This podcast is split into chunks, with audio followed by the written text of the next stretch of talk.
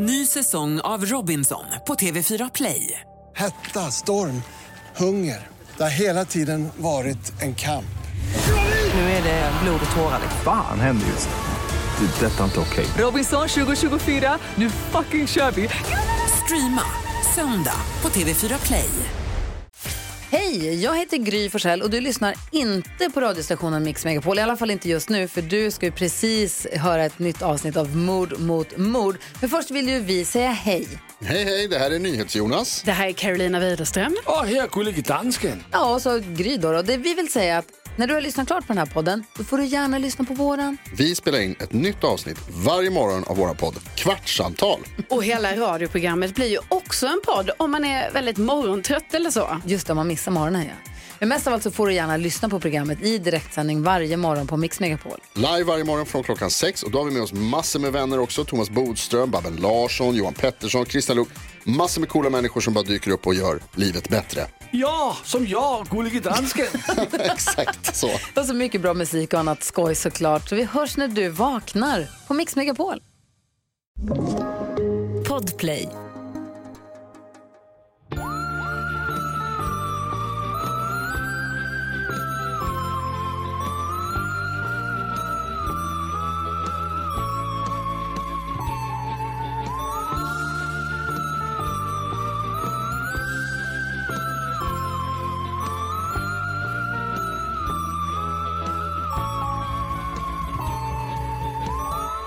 Då är vi igång. We're rolling. We're rolling eh, för ännu en vecka av True Crime-podcasten Mord mot mord. Så härligt. Med min goda vän Anna Sandell och även med mig själv, Karin Londré. Som också är din bästa vän. Det, jag är min egen bästa vän. Ja. Typ sorgligt och inspirerande på samma gång. Vet du vilken låt jag började tänka på när vi sa att vi är rolling? Nej, men jag vet vilken jag tänkte på, så att du kan säga vilken du tänkte Okej, på det här kommer bli intressant. Jag tänkte på den Limp Bizkit-låten. We're rolling, rolling, rolling, rolling, rolling, rolling, rolling. Vilken tänkte du på? Okej, jag, tänkte, jag tänkte på i Clueless. Ah, när hon har slått i huvudet. Rolling with the homies. Exakt. Åh, det är den stelaste scenen jag vet. toppenlåtar. Elton. Och att han ska vara så här någon snygg kille. Han, alltså, Ja, ja, herregud. Brittany Murphy, va? Ja. Jag lyssnade på en eh, Det är så kul. podd som handlade om henne. ah, vad nice. Får jag bara göra en Alltså, instickare till ja. innan du tar den podden? Det är väldigt Ah, sorgligt. ah, jag. ah, Men innan, jag vill bara en till, göra en till instickare om Clueless. Det värsta är när hon har blivit som bitch. Så bara, a virgin who can't drive. Kommer du ihåg det? När hon Det säger det till, ehm, till, Till, ehm, Cher. Ah, gud. Vilken jävla film. Ganska obehagligt att, Cher, att hon är så kär i sin styv brorsa bara. Jag vet. Men men. Men men, vad gör man? Eh, eh, vad, vad, vad gör man inte? Nej, men det finns en podd som jag inte vet om jag har tipsat om innan som heter Disgraceland som handlar om typ så här du vet, brott och typ hemskheter som har hänt inom musikvärlden. Jag slutade Ja, lyssna på den fast jag igen. gillade ämnet väldigt mycket för att jag typ tyckte att han som hade den var ganska störig typ. Mm. Ehm, han var liksom lite, du vet när man lyssnar på någonting, väldigt många avsnitt så börjar man liksom notera vad ehm, programledaren gör som inte bara händer naturligt utan mer som ett liksom Ja.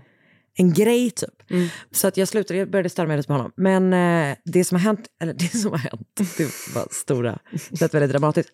Han har också en till podd, eh, upptäckte jag när jag typ skulle åka någonstans, jag behövde saker att lyssna på. Mm. Och eh, som heter Hollywoodland, som handlar om eh, ja, men folk i Hollywood helt enkelt. Mm. Som det typ ja, har varit liksom hemskheter eller typ brott eller så. runt. Och då hade han ett avsnitt om Britney Murphy. Och Ah. det är ju eh, en väldigt märklig och väldigt sorglig historia. För det är ju fortfarande ganska oklart vad det var som hände runt hennes död. Typ. Ah. Och att hennes eh, man ju eh, dog bara liksom några månader senare. Typ. Mm, jag minns det. Jävligt konstigt Även faktiskt. att de bodde tillsammans med hennes mamma. Typ. Att det känns som att det var en konstig Det, det visste jag inte. eh, släktmässig eh, situation. Typ. Eh, ja, nej men eh, jag vet inte om jag liksom... Jag vet inte ens om jag vill rek- rekommendera det, men det var väldigt... Det var liksom, eh, det är väldigt sorgligt. Det var bara en, ja, en parentes nu när vi pratar om rolling with the homies. Och när hennes träsko, alltså det är så jävla kul att det är en träsko som träffar henne i huvudet. Det hade jag en, en, en kompis som ofta gick ut i träskor. Och en gång så trillade han ner för en trappa var Okej. packad. Det sen finns ju så- få skor som är så så, insåg- ostadiga som träskor. Verkligen. Men så insåg han att han hade, att han hade tappat då sin träsko längst upp. Eller liksom att den inte hade följt med ner. Så att han typ ropade upp, kan någon kasta ner min träsko? Och så var det typ som en sån scen att han bara boink. Kul. Good Memories. clog times. Hur är Hur är det läget? med dig? Jo men det är bra. Det är bra, hur mår du? Jag mår bra också. Har du gjort något kul i livet? Eh, igår så eh, såg jag på de tre avsnitt som finns ute av eh, Naked Attraction Sverige. Okej, vad tycker du? Jag har ännu inte det- kommit dit. Alltså, jag har bara hört liksom, fick en recap från eh, en person. Och det Nej. låter ju helt Alltså- jävla galet. Alltså, hela tiden jag såg det med min kompis Anna och hela tiden var vi typ så här, hur kan det vara lagligt att visa det här? så kändes det. Men, för jag hörde Alltså, att det det var ett avsnitt där det var en som vinkade med sin snopp till den som skulle välja. Men Anna, det var en som hade en Pinocchio-tatuering. Ja, det, jag, jag, ovanför. det, det, det hörde jag också. Var det, inte, var det inte han som vinkade med snoppen? Det tror jag typ är två olika personer, vilket säger så mycket om det här programmet. Att, det, Jag vet inte om jag vågar titta. alltså, så himla, himla många typ piercade vaginor. Mm. Alltså så många. Men det är också det här, som sagt. Alltså, det är så nära. Man Men kommer jag, så nära. Jag har ju väldigt jag vill inte svårt komma så nära. andra människors offentliga nakenhet. Även min egna, ska jag väl vara väldigt tydlig med. Men jag, jag, eh, jag tycker att det är... Eh, jag, jag, eh, jag blir stressad när folk är Jag aldrig- för mycket nakna. Där de inte... Jag har aldrig sett något mer stressigt än det här. Nej. Alltså det är fruktansvärt stressigt. Och eh, det var verkligen en hemsk upplevelse. Och jag kunde absolut inte sluta kolla. Jag fattar. Och den personen som väljer klär också av sig naken så småningom. Till slut, Ja. absolut. Men det stelaste skulle jag säga är perioden när personen som väljer väljer bort andra personer. Alltså är så här, nu, vill jag, nu går inte den här personen vidare. För då kommer den nakna personen ut från sin lilla låda och pratar lite grann så här. Och sen så ska de kramas. Det är så Så det är liksom en helt naken främling som Nej. ska kramas innan de ska gå typ. Och typ det här att man ser att de liksom inte, de liksom lutar sig fram för att undvika Varandras liksom- kön mot varandra. dick on dick contact om det är dick on dick liksom. Alltså det är... ehm, Ja, men det Nej, gör jag ju fysiskt ont att titta på det. Jag vet inte om jag kommer klara Alltså, det var- av det. Jag, skrek rakt ut så många gånger. Alltså så himla många gånger så skrek jag bara rakt ut nej, nej, nej. Och sen så fortsatte jag ändå kolla på det. Jag hade gärna tittat det med dig. Det känner jag verkligen att det hade varit en upplevelse. Ja men det kan vi... eh, Nej, du, jag, jag vet typ inte om vår vänskap hade hämtat sig. Du hade mått så dåligt Anna. Det hade inte känts schysst att jag skickade in dig i typ en panikångestattack. Nej, tack, det har jag uppskattat faktiskt. Ändå. Men- Men om du ska se det med någon så ser jag gärna att det är mig. Absolut, det kan du skriva upp. Absolut. Mm. Um, Ja, vad kul. Ja, men så det har jag gjort. Vilken helg. Ehm, ja, verkligen. Hela helgen på repeat. Om och om igen. Ehm, Men vad roligt. nej, Mm. ja, ja, men det var en, det var Vi en, får se en om ride jag kan man säga. kommer eh, titta på det. Ja, jag förstår. Mm. Jag förstår verkligen det. Men vad har du haft för dig? Har du gjort någonting? Ehm, inte så mycket. Jag har tittat på andra säsongen av Bling Empire på Netflix. Japp, det håller Markus på att kolla på just nu. Jag har sett klart allting. Det Mm. är ju otrolig underhållning. Alltså det är verkligen det. Det är verkligen det. Jag tycker också det. Alltså de har så mycket pengar. Alltså det är så sjukt. De har så mycket pengar. Alltså, det, är helt jättesant. sjukt. Men eh, jag, jag gillar det jättemycket och jag blir jättesugen på liksom, att eh, åka till USA känner jag. Mm, jag vet. Och inte på något sätt. Jag vet. Det är verkligen en Både och, kombination av att verkligen. vara världens bästa och sämsta land. Japp, 100 procent. Mm. Verkligen så.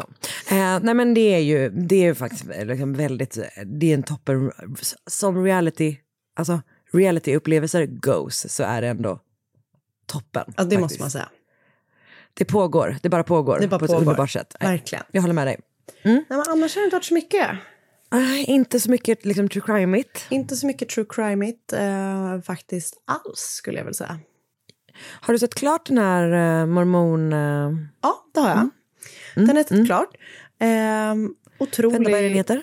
Eh, Sweet pray, keep, någonting. pray, pray and obey. Nej, keep sweet, pray and obey. Just det. Eller om, om det är pray and obey, keep sweet. Men, men alla de fyra orden är i titeln. och finns på Netflix. Om man söker på alla dem så kommer det komma upp. Eh, Den är, alltså det är så jävla mörkt. Men den är väldigt intressant.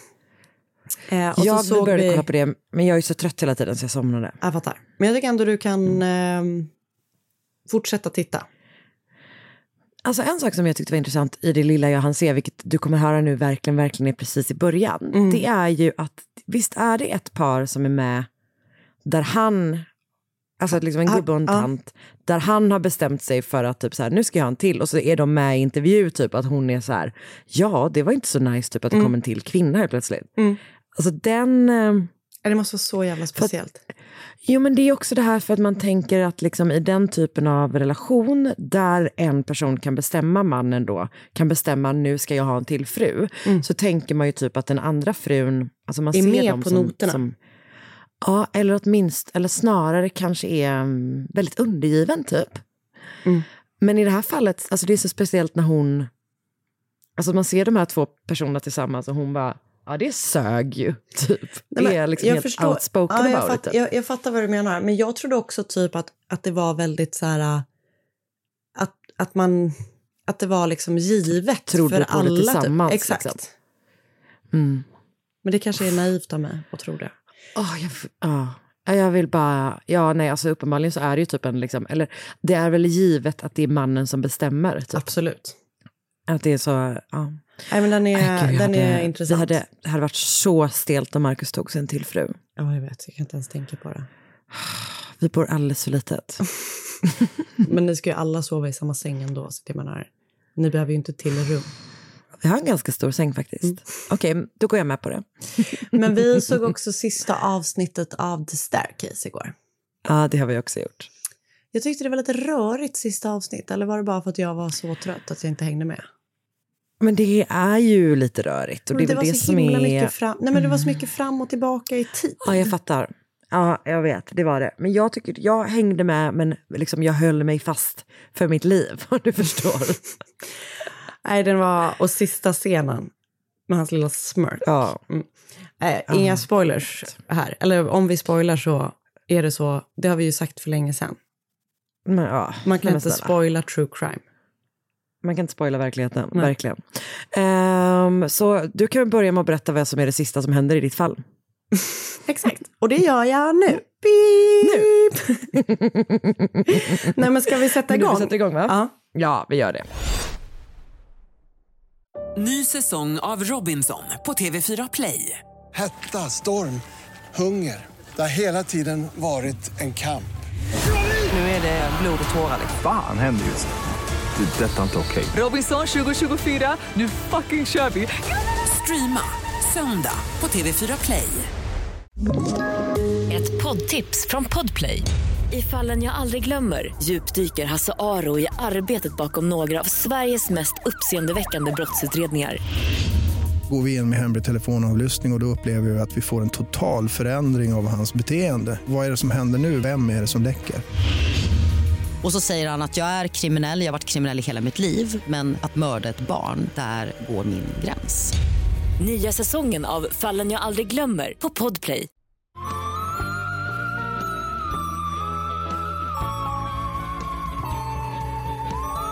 Den 15 juli 1976 kommer Joan Brown. Nu inser jag att så här, varför, jag börjar alla mina historier så här.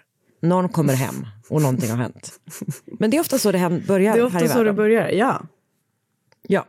Joan Brown kom- kommer hem till sitt hus i Chowchilla, Kalifornien och inser att hennes barn inte är hemma. Hon har två barn. Jennifer som är nio år och Jeff som är tio och de går på någon slags sommarskola, eller kanske typ snarare som ett fritids typ. Ehm, skulle jag säga att det är. Men det, de kallar det för summer school. Liksom. Men det verkar mer som att det är så här att de har aktiviteter än att de liksom håller på att plugga jättemycket.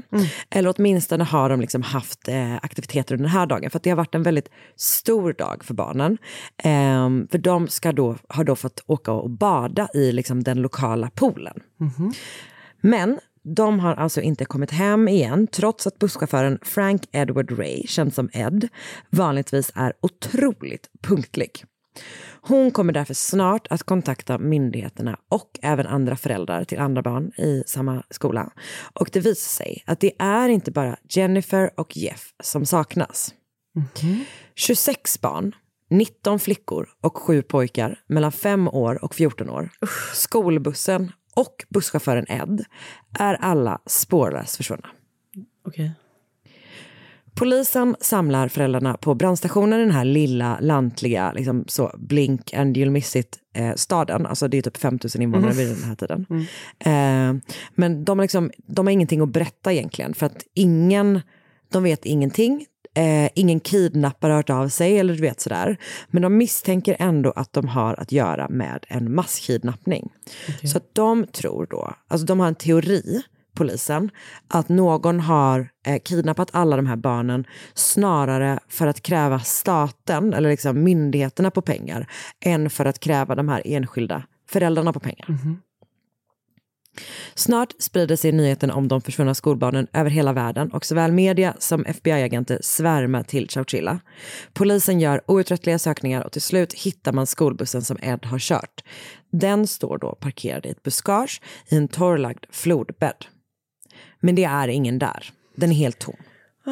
Och inga fot, det finns liksom inga fotspår som leder från bussen. Utan det enda som finns på platsen är två uppsättningar hjulspår. Men liksom inte ett spår efter barnen. Alltså okej. Vid 16-tiden den här dagen, 15 juli, har Ed alltså varit på väg att lämna av barnen efter den här badutflykten och han har hunnit göra ett par stopp på sin väg. Han har släppt av fem barn på liksom olika landsvägar innan han svänger runt ett hörn in på Avenue 81 i Chowchilla och får syn på en vit van som står på vägen med dörren öppen. Han försöker först köra runt men eh, får syn på en man. Och Ed tänker typ att den här mannen kanske behöver hjälp. Så han väljer att stanna och öppna dörren. Och in genom dörrarna så kliver tre män som alla har strumpbyxor över ansiktet. Alltså, Två av dem har vapen. En har en pistol och en har ett hagelgevär. okej. De säger till Ed att flytta på sig och sen tar en över ratten, en går bak i bussen och en sätter sig i den här eh, minibussen. Mhm. Sen kör de ungefär en och en halv kilometer innan de liksom kör av väg, vägen och ner då i den här eh, torrlagda flodbädden och i det här buskaget och där den här bussen senare då kommer hittas. På den här platsen så finns redan en annan eh, eh, liksom, eh, skåpbil. Eh, en, en grön liksom, van står parkerad där. Och eh, när de liksom har stannat där, parkerat bilen, så börjar de då flytta Ed och barnen en efter en in i skåpbilarna. Men alltså fy Jag tror jag sa minibuss innan. Det är skåpbilar. skåpbilar. Ja, jag vet. Nej, det är fruktansvärt obehagligt. Och Joan Browns dotter Jennifer berättar långt senare för 48 hours att de tvingas hoppa från bussen in i skåp, skåpbilarna. Och det är därför det inte finns några fotavtryck. Okej. Alltså det är så läskigt. Det är så Att sjukt det liksom bara läskigt. puts väck typ.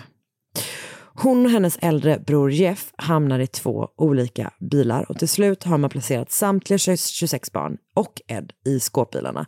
Och så börjar man att köra. Och om du tycker att det här kändes läskigt redan från början så kan jag berätta för dig att insidan av båda skåpbilarna är täckta av träpanel. Så att de är liksom som typ mobila celler. Typ. Det går absolut inte att se någonting ut och det är kolsvart där bak. Det är dessutom väldigt, väldigt varmt. Och de äldre barnen försöker liksom lugna de yngre genom att säga att så här, men ni, ni får vara modiga typ, allting kommer bli bra. Och de typ sjunger sånger, du vet att någon sjunger så, if you're happy and you know it, clap your hands. Det är så sorgligt. Och de körs runt, alltså i timmar. Barnen somnar, de vaknar, de inser typ att de fortfarande är kvar i den här mardrömmen. Och till slut så stannar bilarna och då har de körts runt i liksom de här cellerna i nästan 12 timmar. Fan. Kidnapparna börjar öppna dörrarna och plockar först ut Ed och sen stänger de igen. Och inne i bilarna har barnen ingen aning om vad som händer. Eh, men de får liksom allt mer panik och så öppnas dörren igen. Och så tar de ut det första barnet och stänger dörren bakom. Så fortsätter det. De tar ut ett barn i taget och ingen där inne vet vad som händer utanför. Jennifer försöker dra sig bakåt in i bilen, men till slut är det då hennes tur. Så kidnapparna tar ut henne, de frågar vad hon heter och hur gammal hon är. Hon skriver ner det på en lapp. Och sen så får de henne att typ ta av sig några, en del kläder typ. Och sen pekar de på en stege som går ner i ett hål rakt ner i marken. Du skämtar? De säger till henne att klättra ner för stegen. Alltså... Och hon, ja, jag vet, det är, alltså, de är ett stenbrott ska jag säga också. Alltså att det är liksom den, om du tänker den typen av miljö typ. Så hon har då liksom ingen aning om vad som väntar där nere, men hon har inget annat val än att göra som de säger eftersom de då har vapen. Alltså läskigaste någonsin. Jag vet, det är fruktansvärt. Så hon börjar då klättra ner för den här stegen och när hon kommer ner så inser hon att kidnapparna, alltså det de har gjort är att de har grävt ner en flyttbil tre meter under Vad marken. skämtar du? Där har de lämnat lite mat, lite vatten och lagt in ett gäng madrasser och så typ sågat ut hål i liksom, som jag förstår det, typ där hjulen är, som liksom ska användas som toaletter. Och där ska de alltså hållas som gisslan. Fy Det enda ljuset som finns där nere är att Ed har fått en ficklampa av kidnapparna. Det är liksom det enda. Kid- När alla barnen är nere i det här hålet så drar kidnapparna upp stegen och lägger en metallplatta på och försvinner. Det är så obehagligt. Alltså det är eh, bland det läskigaste jag någonsin har. Det finns bilder på hur det ser ut och det är, eh, ja, det är beyond faktiskt. Så jävla läskigt. Det finns någon slags ventilation där nere, alltså de har typ fläktar, eh, men det är liksom ändå väldigt, väldigt varmt. Efter ett tag så hör de hur de här fläktarna som tidigare gått stannar och det börjar bli svårare att andas. Kidnapparna har satt in stora träbjälkar för att inte taket och väggarna ska kollapsa, för att det är som sagt nergrävt under marken. Så att de, det sitter liksom träbjälkar både från liksom golvet till taket och från sidorna som ska hålla upp. Men alltså, det bucklar liksom inåt från alla håll. Alltså ändå. Liksom. Så både barnen och Ed är liksom livrädda att de ska alltså, falla ner på dem.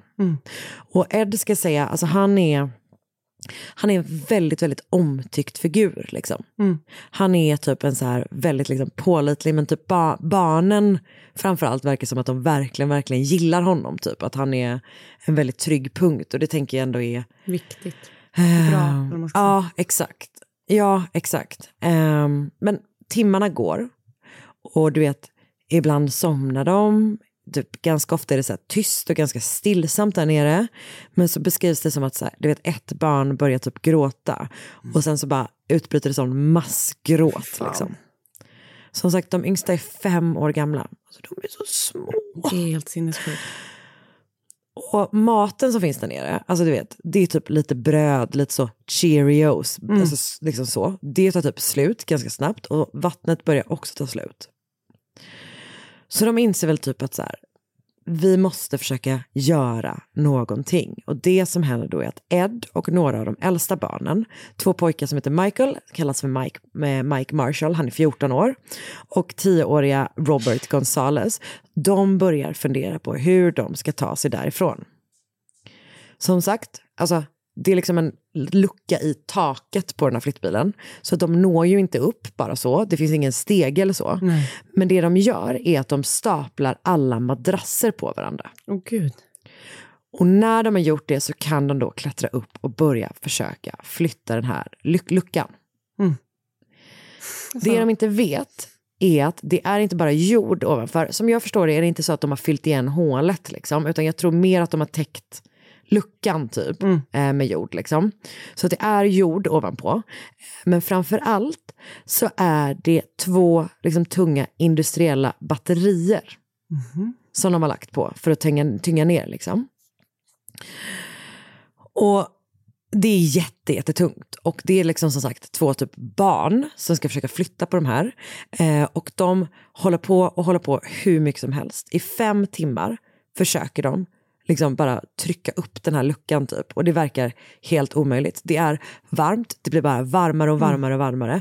Ed försöker typ kyla ner Mike och Robert med liksom lite vatten typ emellan varven. Och typ att de, det beskrivs som att de, liksom, de kämpar mer än vad som borde vara möjligt. Typ. Men du vet, det, timmarna går och de bara försöker och försöker och det händer ingenting. Tills det plötsligt liksom lyfts upp en liten, liten, liten springa. Och han, Mike lyckas typ kila in någon slags träbit. Liksom. Och man ser typ hur så här månljuset liksom lite grann bara strimma, du vet någon strimma ljus typ kommer in. Och Mike fortsätter liksom outtröttligt det här lyftandet och bändandet och tryckandet och grävandet. Och till slut så kommer han att ta sig upp ur hålet och kan liksom se sig omkring. Som sagt, eh, de befinner sig i ett stenbrott. De vet inte det då, men de befinner sig i ett stenbrott i Livermore som ligger 16 mil från Chowchilla. jäklar. Det har gått ungefär 16 timmar sedan de tvingades ner i hålet. Alltså det är, det är så sjukt. Gud, det är det så jävla deras sjukt. barnen och också deras föräldrar. Alltså fatta Föräldrarna, panik. jag vet, det är fruktansvärt. Ja. Och just där att det fin- de har ingen aning och typ att det går så himla, du vet folk är så här, det måste typ vara aliens som har tagit Mm. dem. Alltså att de verkligen har gått upp i rök typ. Det hade jag också Eh, trott. Ja men just det här att det liksom inte, bra Anna. Men det här just det här att eh, det inte ens går några fotspår. Nej, det är så himla- jäkla läskigt. liksom mystiskt och läskigt typ. Men till slut då så har de fått upp alla barn och Ed har också tagit sig upp ur den här nergrävda flyttbilen. Och sen så hör de typ maskiner på avstånd. Jag tänker kanske det inte alls är natt typ. För att det är i alla fall maskiner som går och de hör det och de börjar gå mot dem. Och får liksom syn på ett vakttorn i det här stenbrottet. Och när de kommer fram säger Ed typ så. Det är vi från Chowchilla. Nej. Och snart är polisen på plats. Det finns bara ett ställe i det här området där de kan samlas. Så hela den här barngruppen tas till Santa Rita Re- Rehabilitation Center som alltså är ett häkte som ligger i närheten. Och där får de ta på sig så fångoveraller för att det är det enda som finns. Och typ de dricker läsk och typ äter äpplen. Det finns bilder på det. De är så små. Och där får de då frågor av polisen och framförallt så förhörs Ed. Och inget av barnen har liksom kommit till skada, åtminstone inte fysisk skada. Eh, och fyra timmar senare så går de på ytterligare en buss, den här gången för att åka hem till sina föräldrar. Det har gått 36 timmar sedan de kidnappades när de kommer av bussen i Churchilla. Jag vet, det är beyond... Nu, jag, förtjänar, gud, jag fick rysningar själv. Eh, Klockan är då fyra på morgonen och då möts de av mängder av reportrar och fotografer. Alltså de är verkligen svärmar typ. När en reporter frågar Jennifer varför hon tror att någon skulle kunna göra en sån här sak så svarar hon I don't know, they didn't have enough love. En nioåring som typ ändå bara tycker, ja, sorgligt. Men jakten är ju då inte över bara för att barnen är tillbaka utan nu är det dags att hitta gärningsmännen och det ska visa sig bara vara både lätt och svårt kan man säga. Så polisen får snabbt en misstänkt när man kollar på vilka som haft tillgång till det här stenbrottet där flyttbilen har begravts. De får då upp ögonen för en 24-årig man som heter Frederick Newhall Woods den fjärde. Han är son till mannen som äger stenbrottet, alltså Frederick Newhall Woods den tredje. Hans pappa är jätterik, alltså jätte, jätterik. 1976 när det här händer så tjänar Woods-familjen 80 miljoner dollar varje år på Jäklar. jordbruk, olja och mark. Det är alltså över 400 miljoner dollar i dagens värde. Alltså, det är vad de tjänar årligen, det är liksom inte vad de är worth, om du fattar.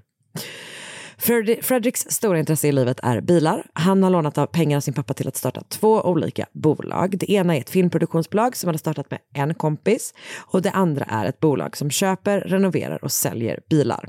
Och det bolaget eh, driver han tillsammans med en annan kompis och den kompisen heter James Schoenfield och eh, han är 24 år gammal precis som Fred. Och den här James, eller Jim Schoenfield, eh, han kommer också från pengar. Kanske inte riktigt lika mycket, men hans familj är också väldigt, liksom, väldigt välbeställd. Hans pappa är en enormt framgångsrik läkare.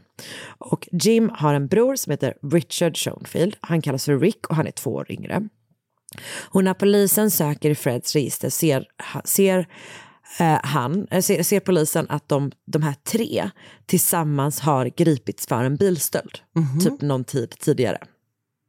Och när de börjar prata med folk som är anställda i det här stenbrottet så berättar de att de sett tre män gräva ett jättestort hål flera, flera månader tidigare. Och att en av dem, de, de har trott att en av dem har varit Fred. Liksom. Okej. Så man börjar då misstänka att det är de här tre, Fred, Jim och Rick, som ligger bakom. Och under husrannsakan hemma hos Fred så hittar man pistolen som användes under brottet. Och man hittar också massor av andra bevis. Typ, jag tror att, alltså att man hittar de här skåpbilarna. Det är typ den typen av bevis. Eh, ganska starka bevis. Man hittar också ett riktigt svajigt formulerat lösenbrev där de kräver 5 miljoner för att barnen ska släppas. Och bland annat så ehm, de, här, den är väldigt, väldigt dåligt skriven. Ehm, bland annat så ska de säga att de är Belzebub, alltså djävulen. Men typ att de stavar det fel. Att de är bara så Beelzebub, typ. Eh, och typ att de på slutet bara råkar skriva typ så här, och sen hör Fred av sig. de berättar vad det är, typ. Alltså riktigt, riktigt dåligt. Eh, men så att man har jätte, jättestarka bevis på att det är nog de här tre som ligger bakom det här. Då. Men gärningsmännen eh, är liksom, eller var är gärningsmännen? Jo, Rick är den enda som ger upp frivilligt. Han överlämnar sig till polisen åtta dagar efter kidnappningen, men Fred och James flyr. Fred, som har ett fejkat pass, tar sig till Kanada, där han grips två veckor senare efter att han har skickat brev till sin, om du kommer ihåg att han hade ett filmproduktionsbolag Mm, mm. med en kompis. Han har då eh, skrivit brev till den kompisen och sagt att han gärna skulle göra en film om eh, sitt eget brott. Eh, och det är då skickat från eh, Kanada. Så att han grips. Eh, James försöker men lyckas aldrig lämna USA utan han grips samma dag som Fred. Och han är i Kalifornien. Jag läste något citat som var typ så här. Bara, he ran, he, du vet, he ran, uh, he ran hard all over the western United States. But he didn't run good. Typ. Att han var så jävla liksom klumpig typ. Och tydligen är det så att han är på väg att lämna över sig när han eh, väl grips. Så att, att du vet, jag läste typ en long read där de var så här, inte ens det lyckades han med. Typ. Ehm, alla tre erkänner direkt och det visar sig att de då har planerat det här brottet i ett och ett halvt år. För även om de kommer från jättemycket pengar så ville de ha mer och det känns som att de vill ha egna pengar. Alltså du vet att de liksom så här, han hade fått låna massa pengar av sin pappa Fred då för att starta de här bolagen typ som ju inte hade betalat tillbaka sig. Eh, men också att, eh, så han hade ju typ skulder till sin pappa. Han hade också en trustfond. Men jag tror att han ville ha pengar att göra vad fan han ville med, om du tänker dig. Ehm, och de vill ha jättemycket egna pengar, alltså flera miljoner. Så deras logik var att om de vill ha flera miljoner så behöver de ha flera offer. Just det. Och de bestämde sig då för att de skulle stjäla, stjäla var fel ord, kidnappa barn för att folk gör vad som helst för barn. Och för att barn är lätta att kontrollera. Och de ville ta barn under liksom, skoltid just för att det skulle vara statens eller liksom, myndigheternas ansvar ehm, att ta hand om dem. Vilket då skulle göra att de var större, alltså var mer troliga att betala den här lösensumman. Okej. Och lösensumman som de skulle kräva var alltså 5 miljoner. Men som du kommer ihåg så hörde de ju aldrig av sig till polisen. Nej. Det var för att de försökte ringa polisen. Men polisen var så himla nerringda av typ orolig allmänhet och typ föräldrar och typ i media från hela världen. Så, de kom aldrig fram. Men gud. Nej. Så istället bestämde de sig för att ta en nap. Du vet hur det kan bli ibland när man tar en nap. Man sover för länge. Jajamän. De somnade, eh, försov sig och vaknade, eh, slog på nyheterna och eh, såg nyheterna om att barnen hade rymt. Alltså, det var ju väldigt bra, men alltså jävlar vad sämst. Ja men också man bara, de har alltså planerat det här i ett och ett halvt år. men jag får lite sådana, du vet, Leopold and Loeb Mm. På jag dem. Att de är liksom såna, de är såna svinrika typ skitungar som typ vill göra det perfekta brottet och typ tycker att de är smarta men de går liksom för långt i sina pl- planer hela Mm. tiden. Och du vet de har jättemycket planer om att det är så, och sen kommer han typ, han flyger in med ett flygplan och han hämtar pengarna där. Alltså mycket så är det liksom. Jag fattar. Eh, men de, och sen bara går de och lägger sig och försover sig. Alltså det är... Eh, nej, vet, det är beyond. Så alla tre erkänner sig skyldiga till 27 fall av kidnappning mot lösen och rån när rättegången börjar eh, ett år efter kidnappningen. Eh, men de nekar till åtalspunkterna om fem fall av kidnappning med bodily harm, alltså att de ska ha utsatt Mhm. dem för någon slags fysisk fara då. Ehm, och anledningen till att de nekar till det är för att om man döms för det så är det, mm, blir det alltid livstidsfängelse utan eh, vill, alltså möjlighet till villkorlig frigivning. Mm. Trots det så döms de till, alltså för, även för de här liksom fem punkterna och får då just livstidsfängelse utan möjlighet till frigivning. Men den domen kommer att ändras så att de kan liksom eh, friges helt enkelt. Sen 1977 så har trion haft totalt ett 60-tal parole hearings. Jäklar. Och bröderna Schofield är idag båda två frigivna. Rick eh, frigavs 2012 och Jim 2015. Och anledningen till att de har suttit kortare än vad Fred har är nog delvis för att typ Fred ändå väldigt mycket ansågs vara hjärnan, eller hjärnan var kanske en överdrift. Um, men att han ändå ansågs drivande då i det här brottet, men också för att de har varit väldigt skötsamma i fängelset. Till skillnad från Fred, som om och om igen har tagits med contraband som mobiltelefoner och porr. Men gud. Men inte nog med det. Han har också drivit bolag inifrån finkan och som jag förstår det så får man göra det men man måste anmäla det. Och det har han inte gjort. Och han har bland annat drivit en bokstavlig guldgruva. och även en julgransodling. Okej. Mm. Hans föräldrar är båda döda och det har gjort att han har ärvt drygt 100 miljoner dollar. Och han har även köpt en mansion som liksom ligger i närheten av fängelset som han, jag antar då, aldrig har besökt. Liksom. Han har också gift sig två gånger tror jag. I mars i år så rekommenderas Fred för första gången för villkorlig frigivning. Så att det är väl ändå möjligt att han skulle kunna få sin frihet inom en inte allt för avlägsen framtid. Men då ska vi se hur gammal han kommer vara då. Det är sånt här som du kan, eh, som du kan räkna ut. När sa du att han var Eh, född? Okej, vänta.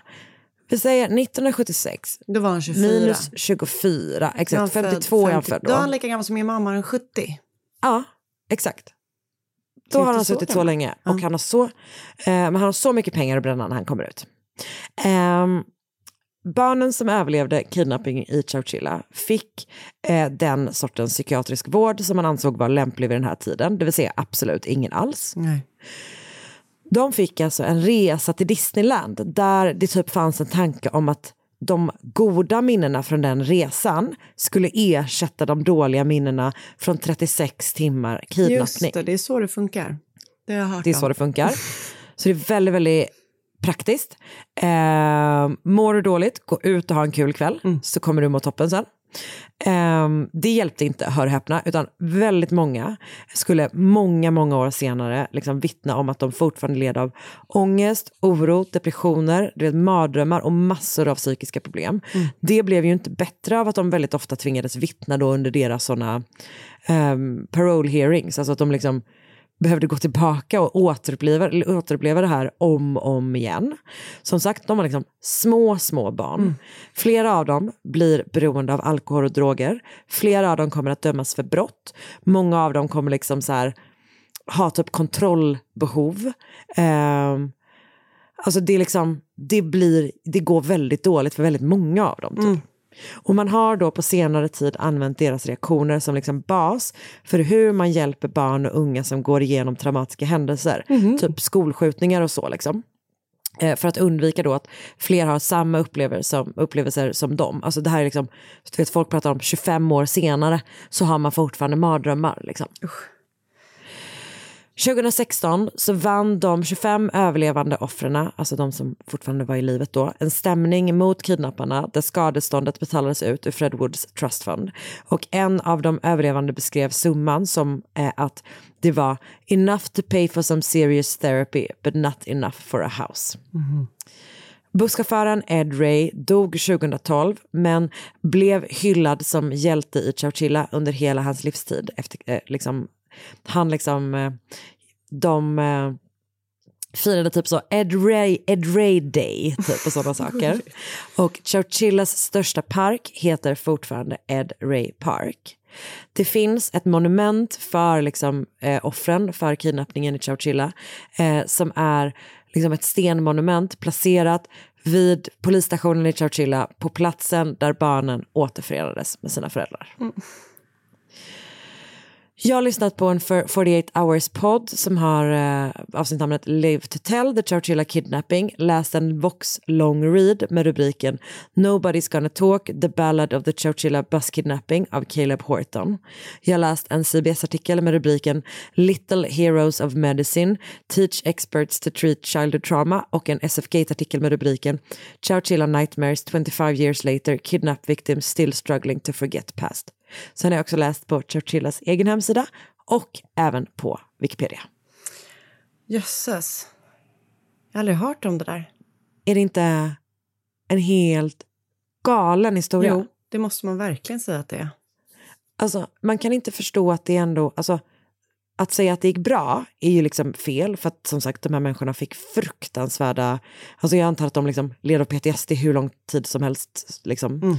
Men att alla ändå överlevde typ. Det är helt sjukt. Ja, det är faktiskt helt jävla galet typ. Oh, jösses.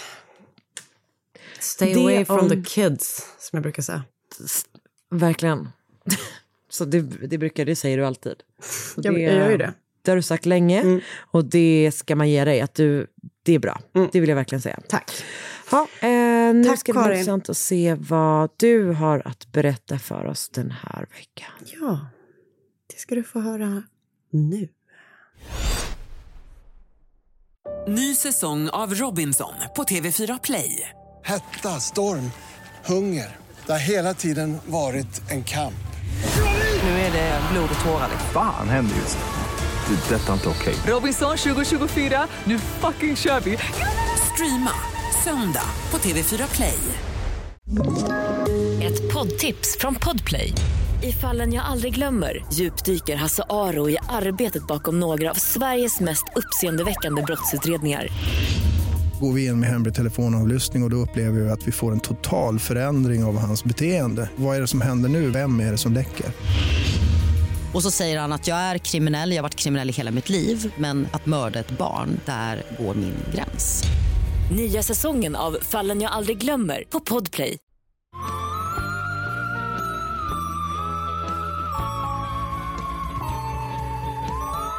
Idag ska vi till Strongsville, Ohio. Och Strongsville är en liten snäll stad, eller vad man ska säga.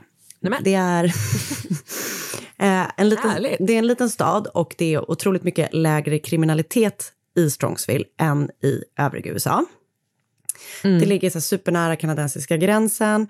Så det är så här jättefin natur runt omkring. Du vet, det finns berg, sjöar, eh, skog. Och så är då den här Strongsville väldigt gullig liksom. Och i Strongsville bodde eh, den 49 år gamla Melinda Pleskovic med sin familj, eh, hennes man Bruce och deras tre barn Anna, Kyle och Megan. Japp. Och eh, Melinda arbetade som mellanstadielärare och hade gjort så, eh, hade gjort så, det, jag, vet inte, om- jag vet inte om det är eh, så man säger. Hon hade arbetat som... And had done so. Ja, precis. Det är för att det är häng. Ja. Men jag gillar det, jag tycker det lät fint. Tack. Eh, Jag håller på att eh, omstöpa det svenska språket. Det kanske också är typ rätt att man säger så på svenska. Ingen rättar oss, tack snälla, hej då. Eh, Fortsätt. hon hade varit i alla fall lärare länge och utöver att hon då var lärare så tränade hon också barn i fotboll. Hon verkligen älskade barn, liksom inte bara sina egna utan alla sina elever och de barnen hon hade i fotbollsträningen också. Liksom. Och det här var ömsesidigt. Hon var en jätteomtyckt lärare och tränare och barnen verkligen så tydde sig till henne. Du vet att de de litade på henne med hemligheter som de inte berättade för någon annan och du vet, eh, hon mötte dem på ett så väldigt bra och fint Lärare. sätt. Mm. Det finaste vi har. Alltså det är verkligen det. Alltså, Bra lärare är ju de bästa människorna Mm. i hela världen. Nej, men det är verkligen en sån lärare som man bara typ drömmer om att man Ah. fick ha. Och typ, Är, det här, är det här temat för dagens avsnitt, såna eh, bra människor i skolvärlden? Ed eldsjälar. Mm, det är kanske det. Mm. Ehm, Konstigt tema. men, men bra tema. Viktigt. Mm, verkligen. Förlåt. Eh, ja, så... Det här avsnittet är sponsrat av Svenska hjältar. det är det inte. Eh, nej men, så hon var då liksom en väldigt engagerad lärare och hon var också en väldigt engagerande och närvarande och bra mamma. Hon, du vet, prioriterade sina barn överallt och var sådär toppen, en toppen kvinna helt enkelt.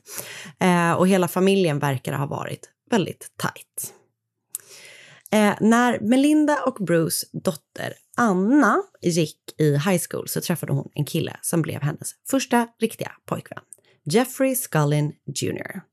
Och båda två verkar ha varit så här väldigt duktiga i skolan och engagerade. Båda, liksom båda var duktiga i skolämnena och du vet, var så mentorer och typ eh, läxhjälper och då så här, de är smarta och engagerade och eh, Ordentliga. ordentliga verkar de vara. Liksom. Och han är väldigt Ja. snäll. Eh, så Melinda och Bruce var liksom inget annat än glada att deras dotter var kär och hade hittat en kille som var kär i henne tillbaka. Så när Anna och Jeffrey eh, gått ut high school så gjorde han the big move. Han frågade Anna om hon ville gifta sig med, honom. Vilket hon då gärna ville, trots att de bara var typ så 19 år gamla. Så hon tackar ja. Och eh, kort efter att de har förlovat sig så blir också Anna gravid. Japp. Och eh, även om det då var innan de gift sig, och jag vet inte om du har hört om något så sjukt någon gång, ett utomäktenskapligt barn. jo. så blev alla eh, jätteglada och eh, Melinda och Bruce bestämmer sig för att fråga om inte Jeffrey ska flytta in hos dem medan eh, de liksom väntar på den här lilla bebisen som ska komma så att de kunde hjälpas åt och så att det skulle bli enklare för Jeffrey och Anna att spara på sina pengar. För de sparade pengar för att kunna köpa ett eget hus så småningom och de höll också på att spara pengar till sitt bröllop som var planerat till oktober 2017. Eh, så eh, han flyttar in och så småningom föder eh, Anna deras lilla dotter och allting är liksom bara funkar jättebra. Du vet, de, eh, Anna jobb, jobbar, Jeffrey jobbar, de sparar pengar, Bruce och Melinda hjälper till med den lilla bebisen och du vet sådär. Ehm, och det som Bruce och Melinda däremot tyckte var tråkigt var att de aldrig fick träffa Jeffreys familj. De föreslog det så här upprepade gånger, men han var typ så, men det är ingen idé liksom. Så det tyckte de var trist, för att du vet så här, här är en kille som ska ha ett barn med vårt barn och vi som ska gifta sig med vårt barn och vi vet inte, eh, typ, vi känner inte liksom. För att, inte för att liksom, svärföräldrar behöver umgås med varandra, men det kan ju ändå vara liksom härligt att träffas. Träffa på varandra någon Mm. gång. Eh, I början av 2017 så började det hända så lite konstiga saker eh, kring familjens hus på Blazing Star Drive. Så härlig adress. Otroligt. Eh, och Melinda och Bruce anmälde vid upprepade tillfällen till polisen att det var olika personer, eh, så unga killar och unga män som smög runt i deras trädgård. De kikade in genom deras fönster och du vet så här, läskiga saker. Eh, det var upprepade inbrottsförsök i deras hus och vid flera tillfällen så hörde de när de var hemma hur någon höll på att så här, fiffla med låsen. Typ. Skitläskigt. I samma veva börjar de också märka att det försvinner pengar hemifrån. De har liksom cash, kontanter hemma som bara börjar försvinna. Och i början är det ganska små belopp, du vet så. Någon femdollarsedel här, någon femdollarsedel där. Mm. Men ju längre tid det gick, desto mer började Melinda och Bruce känna som att så här, det är någon som är ute efter för utöver de här då pengastölderna så hände, och de här liksom, någon som var kiken genom, alltså alla de här liksom ändå obehagliga sakerna, så var det också så att det försvann eh, en bilnycklar hemifrån dem. Och när nycklarna väl då var borta så var det någon som startade deras bil på uppparkeringen. Det var någon som du vet bara satte igång billarmet och vid ett tillfälle när Bruce kom ut så var det eh, spikar i däcken eh, på hans bil. Så det är ju såklart skitläskigt för att de känner sig verkligen så här i den här lilla snälla liksom staden där typ alla känner alla. Det beskrevs i, jag såg en, eh, ett avsnitt av Fear Files där det beskrevs som att så här, folk lämnade liksom dörrarna öppna för att det fanns, liksom, det var inte så, man var inte, det var liksom inte obehagligt, du vet, någonting där typ. Fan Jag vad de vet. gillar att säga Men så det i, beskriver ju eh, ändå något. I, i sanna true crime-historier. ja, ja, verkligen. Ehm, Japp. så, men då, så de rapporterar liksom det här, eh, det som händer. De är i kontakt med polisen flera gånger, men de gör ingenting. Liksom. Det, det är ingen som reagerar på det. Så, den 23 oktober 2017, bara dagar innan Anna och Jeffrey ska gifta sig, så ska familjen gå ut och äta. Jeffrey har berättat att hans mamma och pappa gärna vill träffa hela familjen Pleskovic, alltså Bruce, Melinda, Anna, Jeffrey, deras dotter och de andra barnen, Kyle och Megan. Och eh, för att han säger typ så här, men de vill gärna liksom bidra med pengar till bröllopet, de vill ge det till er och det vore bra om vi sågs, typ så. Eh, så han håller på att så här rodda runt med planerna eh, en del och de byter datum och du vet så här. Men till slut så bestämmer de en tid och en restaurang och det är då den 23 oktober 2017. När Bruce är på väg från jobbet till restaurangen så får han ett sms från Melinda där hon säger att hon möter upp honom där. Så han liksom packar ihop sina grejer och ger sig iväg själv till restaurangen där de har bestämt träff. Han kommer dit, men ingen annan är där. Och det är heller ingen som svarar i telefon när han ringer. Varken Melinda och inte Anna, inte Bruce, eller inte Jeffrey, eh, inte de andra barnen. Så, här. så efter ett tag så tänker han så här, "Nej, men jag sticker härifrån, jag går till gymmet, liksom. jag går och tränar. Så han går. Och sen ringer både Anna och Jeffrey och säger att de ska ses på Applebee's eh, där Anna arbetar istället. Okej. Så han eh, typ duschar, gör sig i ordning och sticker till Applebee's. Och när han är väl är där då så kommer, jag tror Anna jobbar liksom tror jag. Ja. Och så är det eh, Jeffrey där med han och Annas gemensamma dotter. Men Melinda kommer inte dit och inte heller Megan och Kyle, alltså deras andra barn. Ja, ja. Och hon svarar inte heller i telefon och det är inget svar hemma. Och när de väl sitter på restaurangen så säger Jeffrey att han var hemma precis innan ehm, han stack till Applebee's, men att det hade varit något konstigt med larmet eller någon sån, det var det, security code, eh, så han hade inte kunnat komma in.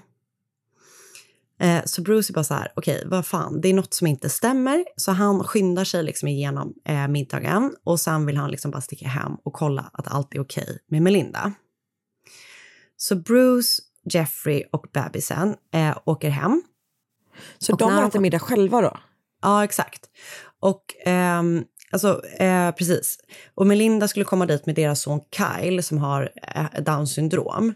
Så hon var liksom, och, och ingen av dem kommer dit och eh, Melinda svarar då inte i telefon och Kyle är, han beskrivs som non-verbal. Så han pratar liksom inte, så han har väl ingen telefon. Så de vet inte vad de är och de har inte hört av sig och de svarar inte. Och vad- jag vet inte exakt vad Megan, alltså den, den, det tredje barnet är. Men så det är bara Jeffrey, Bruce och bebisen som äter. Ah. Och så åker de hem och på vägen hem så behöver de stanna och tanka och du vet, de gör lite så saker på vägen. Och så när de väl kommer hem så tar Jeffrey upp sina nycklar och försöker låsa upp dörren, men det funkar inte.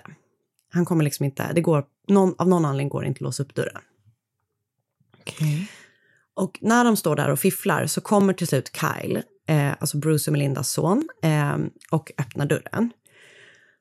Och han pratar ju som sagt inte och han verkar aldrig ha gjort det. Men han kommer i alla fall och öppnar dörren och släpper in sin pappa och sin eh, soon to be svåger.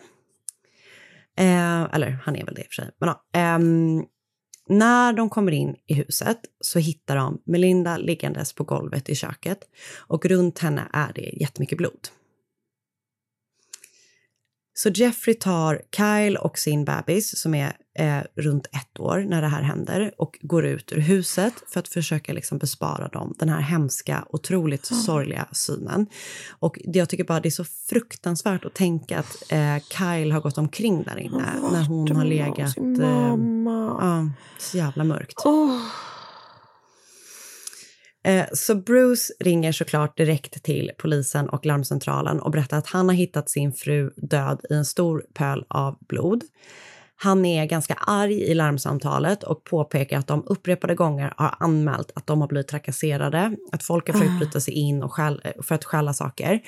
Eh, och är, han är liksom, jag, jag har hört delar av eh, det larmsamtalet och han är arg liksom. Och han är väldigt chock, tänker jag också främst. Och samtidigt så står då Jeffrey utanför huset med Kyle och sin bebis och ringer också polisen och anmäler det här fruktansvärda som de har liksom upptäckt i huset, hittat i huset. Så räddningspersonal och polis kommer till platsen, men Melinda är redan död eh, när de kommer dit. Och hon har då blivit mördad och hon har skjutits tre gånger och hon har blivit attackerad med en kniv så många som 36 eller 37 gånger. Eh, det är så hemskt. Det är bara så övervåld, verkligen. Eh, så polisen börjar såklart utreda det här fallet och eh, bara dagar efter att Melinda hittats mördad så begravs hon. Eh, och begravningen hölls i St. Paul Lutheran Church där i Strongsville. Och det var på samma dag som hennes dotter Anna och Jeffrey egentligen skulle gift sig. Ehm, åtta dagar efter att Melinda mördats så meddelas det att polisen har gjort ett genombrott i fallet. De har gripit en person och anklagat den här personen för mordet på Melinda. Personen som grips är ingen mindre än Melindas soon to be son-in-law Jeffrey Scullin Jr. som då bodde tillsammans med Melinda och den övriga familjen. Okej.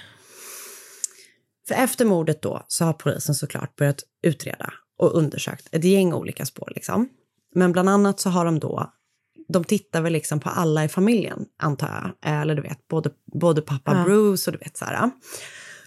Och de har såklart även då liksom utrett kring Jeffrey. Och eh, i Jeffreys bil hittar de då en kniv. Och även om kniven liksom möjligtvis såg ren ut vid första anblick så vid en rättslig undersökning av kniven så kunde man hitta blodspår på den. Och blodet kunde de avgöra tillhörde eh, Melinda. De hittade hans DNA på handtaget till kniven och eh, på dörrarna, eh, på ett handtag på en dörr på hans bil, så hittade de också blodspår. De hittade så småningom också en ryggsäck i Jeffreys bil där de, i den låg en revolver som matchade med de kulorna som Linda skjutits Mm. med.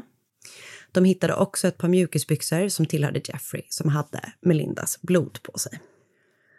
Polisen får då reda på att Jeffrey och Melinda inte alltid drog jämnt. Ehm, de fick också reda på att bara dagar innan Melinda mördades så hade hon fått reda på att lokalen där bröllopet skulle hållas inte hade blivit betalad eh, trots att den liksom var verkligen way overdue. Hon fick också reda på att Jeffreys kort hade blivit nekat. Eh, han hade alltså tomt på kontot eh, så många gånger som 14 gånger de senaste två veckorna. Eh, han verkar typ inte ha haft det här jobbet som han sa och han hade liksom inga pengar.